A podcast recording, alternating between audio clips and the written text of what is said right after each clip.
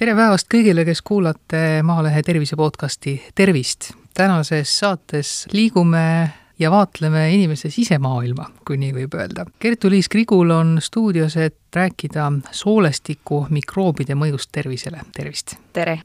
Liis Seljamaa on saatejuhiks. me räägime seda juttu sellepärast, et et äh, hiljuti avaldati just äh, mainekas teadusajakirjas Nature Communications uuringu tulemused. Tartu Ülikooli teadlased siis uurisid, kuidasmoodi soolestiku mikrobiomi mõjutavad erinevad asjad, siis inimese elustiil, tervis, ravimid ja nii edasi. et olla terminites täiesti selge, siis see soolestiku mikrobioom, see tähendabki seda, et äh, kõik need mikroobid, mis, kes meie soolestikus elavad, need moodustavad siis kokku mikrobiomi korrektsem on öelda võib-olla need, kes on elus, on mikrobiota, aga kui me uurime nende geneetilist materjali, siis seda me nimetame mikrobiomiks miks te üldse seda uurisite või see on lihtsalt üks selline uurimisobjekt, et kui geenivaramus on äh, materjali võtta, et siis äh, järjest muudkui aga uuritakse seda inimest?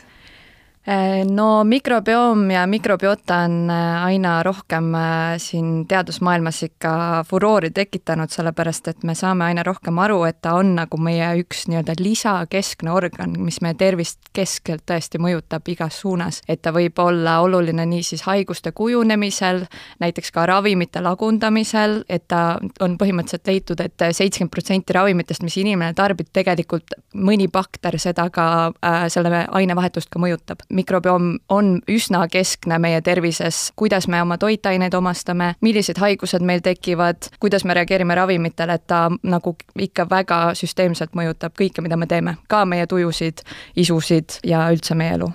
ilmselt on seda ikkagi uuritud, aga kas siis mitte piisavalt või peakski seda kogu aeg nagu järjest edasi uurima? jah, selles mõttes on uuritud küll, aga mikrobiomi puhul ma ütlekski praegu, et me oleme sellises alles avastavas seisus, et see on ikkagi veel lapsekingades, need uuringud, ja tegelikult siin on just need populatsiooni biopangad sellised väga head kohad, kus seda uurida, sest et me saame esiteks võtta väga suure valimi ja me saame ka vaadelda väga palju erinevaid faktoreid, sest mikrobiomi puhul on just see probleem, et paljud asjad ei kordu või me ei replitseeri neid tulemusi, et selle jaoks ongi meil vaja seda nii-öelda e-, erinevates populatsioonides korrata neid uuringuid. ja tegelikult, äh, miks geenivaramu või Eesti üldse on väga hea koht mikrobiomi uurimiseks, on see, et meil on äh, ligipääs terviseandmetele, äh, mida väga paljudes teistes valimites ei ole. näiteks me saame vaadata tõesti, kuidas inimene on ravimeid tarbinud, mitu korda ta on ravimeid tarbinud, millal ta hakkas neid võtma ja kuidas näiteks no põhimõtteliselt, et eristada ravimi ja haiguse nagu mõju mikrobiomile või et et äh, meil on äh, vaja eristada seda, et kas äh, mikrobioom tekib haiguse tulemusel või põhjustab haigust. ja kuidas seal omavahel on veel seotud see ravimid ja haigused, sellepärast et kõik need omavahel on sellises seoses ja mõjutavad siis ka mikrobiomi edasi. et me tahaksime eristada seda, et milline on ravimitekkeline mikrobioom või milline on haigusetekkeline mikrobioom ja kuidas me saame näiteks kasutada just seda mikrobiomi kooslust, et näiteks varasemaid kompleksseid haigusi uurida. ja selle võimaluse tõesti Eesti geenivaramu annab. No mis järeldusele te nüüd seal jõudsite, kui me räägime eestlastest, siis noh, see on selline üldteadmine, et näiteks antibiootikume me tarbime siin kindlasti vähem või tarvitame enda ravimiseks vähem kui Lääne-Euroopas üldiselt nii on, nii on. kui me räägime nüüd üldisemalt äh, nii-öelda bakterite mitmekesisust ja nendest teguritest, mis äh, seda mõjutavad, siis üldiselt on äh, näha, et ikka selline tervislikum eluviis, kiudainete tarbimine, liikumine, madalam kehakaal, sellised asjad kõik on nagu seotud kõrgema mitmekesisusega. ja siis samas vastupidi, alkoholi tarbimine, jällegi vähem liikumist, rohkem haigusi, erinevad ravimite tarvitamised tavaliselt on seotud madalama mitmekesisusega. ja siis üks selline selline markantsem näide tõesti, mida me nägime, on äh, antibiootikumid, et äh, see on nagu doospetsiifiliselt või meie näeme nii-öelda, kui inimene on välja ostnud ravimi. Ja kui me vaatame neid kokku, kokku, mitu korda inimene on ravimi välja ostnud ja siis vaatame seda kümne aasta jooksul, siis me näeme tegelikult, et mida rohkem inimene siis äh, on välja ostnud, mida meie loeme siis, et ta on tarbinud ka, siis äh, see mitmekesisus väheneb nii-öelda doos sõltuvalt ja tegelikult ka kogu see äh, kooslus muutub. et ta muutub täitsa sellises suunas, mida nüüd aina rohkem on seostatud ka ülekaalulisusega, tüüp kaks diabeediga ja erinevate haigustega, et ta on muutumas suunas, mis võib-olla ei ole tervisele hea, aga see, kuidas, see vajab edasist uurimist. kas saab öelda sama ka muude ravimite kohta? Veel sarnast tendentsi nägime ka antidepressantidega, aga seda me peame veel täpsemalt uurima ja tegelikult teiste ravimitega meil on ka plaanis seda vaadata. aga antibiootikumid ja antidepressandid, need on sellised kõige rohkem kasutatavad ravimid, et neid oli nii-öelda algselt kõige lihtsam vaadelda, aga me plaanime ka teiste ravimitega seda teha no kui inimene nüüd kuuleb näiteks ja hakkab mõtlema oi-oi-oi, ma olen tõesti antibiootikume võtnud seal mingisugune noh, periood näiteks, kas isegi paari nii-öelda kuuri läbitegemine teeb juba olulisi muutusi ja kas seda on võimalik ka tagasi pöörata, ehk siis kui inimene nüüd ei tarvita neid antibiootikume, et siis see mitmekesisus ajapikku ikka suureneb?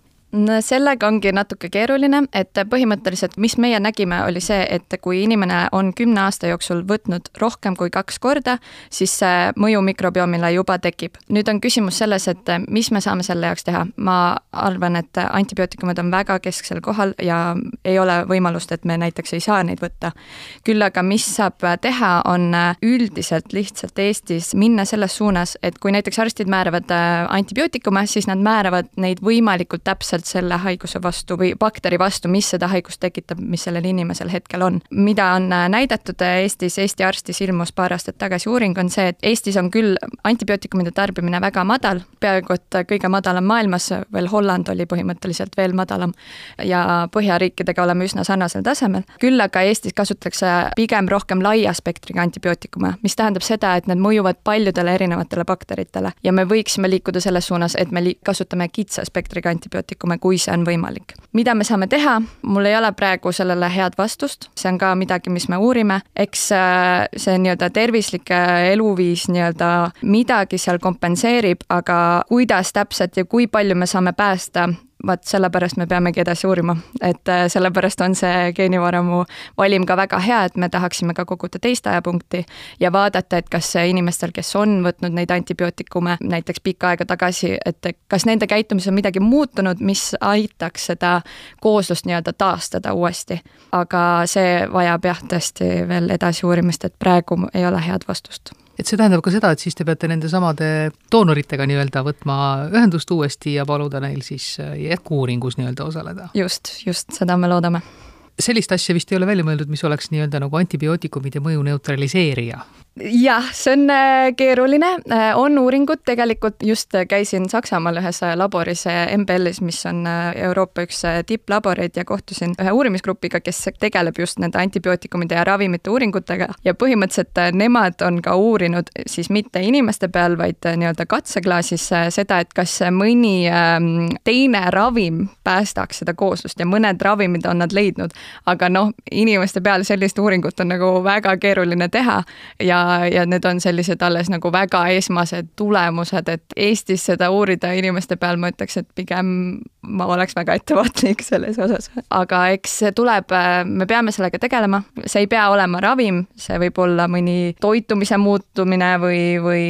eks laual on ka olnud igasugused probiootikumid, sümbiootikumid, aga kuidas need täpselt mõjuvad, eks see on ka praegu ikkagi väga algusjärgus. jah, et kui öeldakse mingisuguse probiootikumi kohta, et see on väga hea, et seda kindlasti, kui võtate anti antibiootikumi kuuri järel siis äh, nii-öelda nagu kogu see endine olukord taastub, et see päris tõsi ei ole ikka? ma oleks ka jah, selles osas praegu veel, ma ütlen, et need uuringud ei ole nagu piisavalt tugevad, et sellist asja väita, esiteks, kui me räägime probiootikumidest, siis kui meie enda kooslus on tuhandeid liike või no me räägime saja kuuekümnest perekonnast vähemalt inimese kohta ja siis veel nende all, eks ole, liikidest ja tüvedest veel, mida on tuhandeid, siis probiootikumid, mis tavaliselt on umbes paar liiki kümme tüve võib-olla, siis see ei saa päästa kogu seda kooslust ära, mis me, mis me oleme enne nagu ära hävitanud, et see on praegu, me loodame leida uusi meetodeid, me loodame näiteks ka uurida nii-öelda sümbiootikume, mis on siis niimoodi, et on nii bakter kui tema toit koos ja selle manustamine, et kas see mõjutab midagi,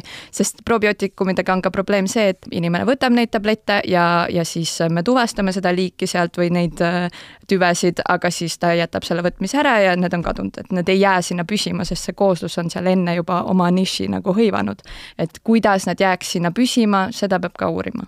kui me haigustest räägime, ütlesite enne, et ei ole päris lihtne eristada, et kui palju on äh, mõjutanud siis seda kooslust haigused, kui palju äh, antibiootikumid, aga kas siiski oli midagi, mida te leidsite või siis mõned haigused näiteks, mis rohkem mõjutavad või mis ütleme, näiteks kindlas suunas mõjutavad? jaa, meil oligi võimalus tegelikult uurida seda, et mis liigid siis on mis haigustega seotud äh, ja me tuvastasime väga palju erinevaid haigusi, näiteks siis põletikuline soore sündroom või ka näiteks ärevushäired ja tegelikult tegelikult äh, me näeme ka seda, et kui me võtame seda antibiootikumi kasutamist arvesse, siis jah, äh, see liikide kogus, mis haigusega seotud on, küll väheneb, aga siiski on nagu haigustele omased äh, mustrid, mida me siiski suudame tuvastada. ja nüüd, mis me tahame uurida, on see, et praegu me näeme nii-öelda, et haigus on juba tekkinud ja siis me võtsime mikrobiomi, aga mida me nüüd tahame teha, on see, et kui haigus tekib peale seda mikrobiomi proovi võtmist, ehk siis äh, kõik need protseduurid või selle haiguse mõju, äh, mis praegu me tuvastame, kui me oleme võtnud selle proovi pärast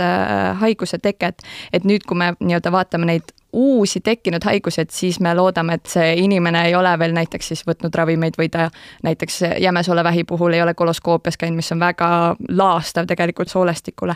et me suudame nagu tegelikult tuvastada ära, et mis sealt need seosed on päriselt, mis on nagu enne haiguse teket näha, et siis lõpuks kasutada tegelikult näiteks ka varasemaks diagnoosiks seda mustrit sinnamaani me ilmselt ei jõua, et äh, ühel hetkel võivad teadlased öelda, et suur osa nendest äh, inimese võetud haigustest on põhjustatud sellest, mis toimub soolestikus. ehk siis, kui te juba ärevushäireid nimetasite, et siis ühel hetkel läheme arsti juurde, et diagnoositakse mingi ärevushäire, selge, probleem on äh, sinu nii-öelda seedeorganites no loodame, mina isiklikult olen, oleks väga rõõmus, kui me nii suudaks teha, aga, aga tõesti siin sellega peavad kaasnema kõik, eks ole, et see uuring oleks väga kiire, et me suudame seda suurt andmehulka analüüsida, praegu ikkagi see mikrobiomi valdkond on ka selline, et me peame arendama erinevaid meetodeid ja jõudma nagu üheskoos konsensusele, et kuidas me teeme seda, neid uuringuid kõik ühtemoodi või analüüsime ühtemoodi, et me kõik saame aru, et tõesti need seosed, mis me leiame, on haiguse tõttu, mitte sellepärast, et me näiteks korjasime proovi erinevalt või eraldasime bakterite DNA erineva meetodiga, et me peame ikkagi leidma selle, just selle haiguse mustri ja praegu väga paljude uuringute probleem on see, et need tehakse ebakvaliteetselt äh, ja mitte teadlikult näiteks analüüsides ka peab väga paljude asjadega arvestama, sest mikrobiomi andmete analüüs on keeruline. Ja see nõuab veel nagu arenemist ka, et mida me saame tegelikult öelda ja mida me ei saa aga igal juhul on see selge küll, et äh, soolestikus toimuv mõjutab meie tervist oluliselt rohkem võib-olla, kui me siiamaani oleme äh, seda mõelnud. nii on, nii on. ja ma ütleks ka seda, et ka näiteks ravimite tarbimine mõjutab meid oluliselt rohkem, kui me oleme siiani seda mõelnud, mis on nüüd just see, millega mina tahaksin edasi tegeleda. just pikaajalised mõjud. just, just, pikaajalised mõjud, jah kas laias laastus on nii, et mida mitmekesisem see soolestiku elustik on, seda parem või on mingid teatud kindlad mikroobid, mida võiks rohkem olla? Üldiselt on jaa, et ta on ikkagi kooslus, ta on nagu süsteem ja mida rohkem seal on nagu erinevaid äh, neid baktereid, erinevaid organisme, siis tegelikult on tal ka suurem selline potentsiaal erinevaid protsesse nii-öelda ette võtta ja ta toimib üldiselt ikkagi üheskoos koosluses, et mingi bakter toodab kellelegi midagi, teine jälle seda kasutab, toodab inimesele midagi kasulikku, et see on nagu, nad on kõik omavahel üksteisega seotud. see on üldplaanis nii, et mida mitmekesisem see on, seda parem. aga eks on ka mõningaid haigused, mille puhul see nagu alati nii ei käi. Aga muidu on niisugune, ütleme, looduslik lähenemine, nagu meil räägitakse täna ka sellisest üldisest elurikkusest, et see elurikkuse printsiip kehtib ka soolestikus? nii on, absoluutselt, et tegelikult jah, see elurikkus ja kuidas me tegelikult seda kaotame või oleme juba kaotanud, et see on äh, ka väga oluline nagu tegelikult ikkagi uurida, et kuidas meie valikud praegu näiteks mõjutavad meie lapsi, et äh, seda me ei tea võib-olla on ka noh, keeruline hetkel uurida, aga nüüd me vähemalt oleme teadlikud, et me võiks vaadata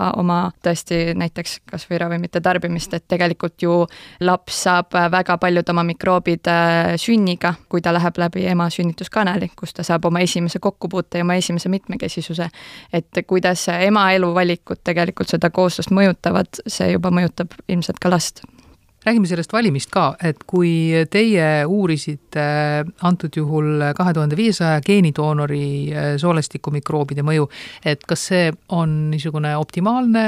hulk või arvestatakse seal ka üldist populatsiooni suurust, et noh, näiteks suurema rahva seas tehakse ikkagi rohkemate inimestega? No Eesti on äh, üks äh, selles mõttes ainulaadne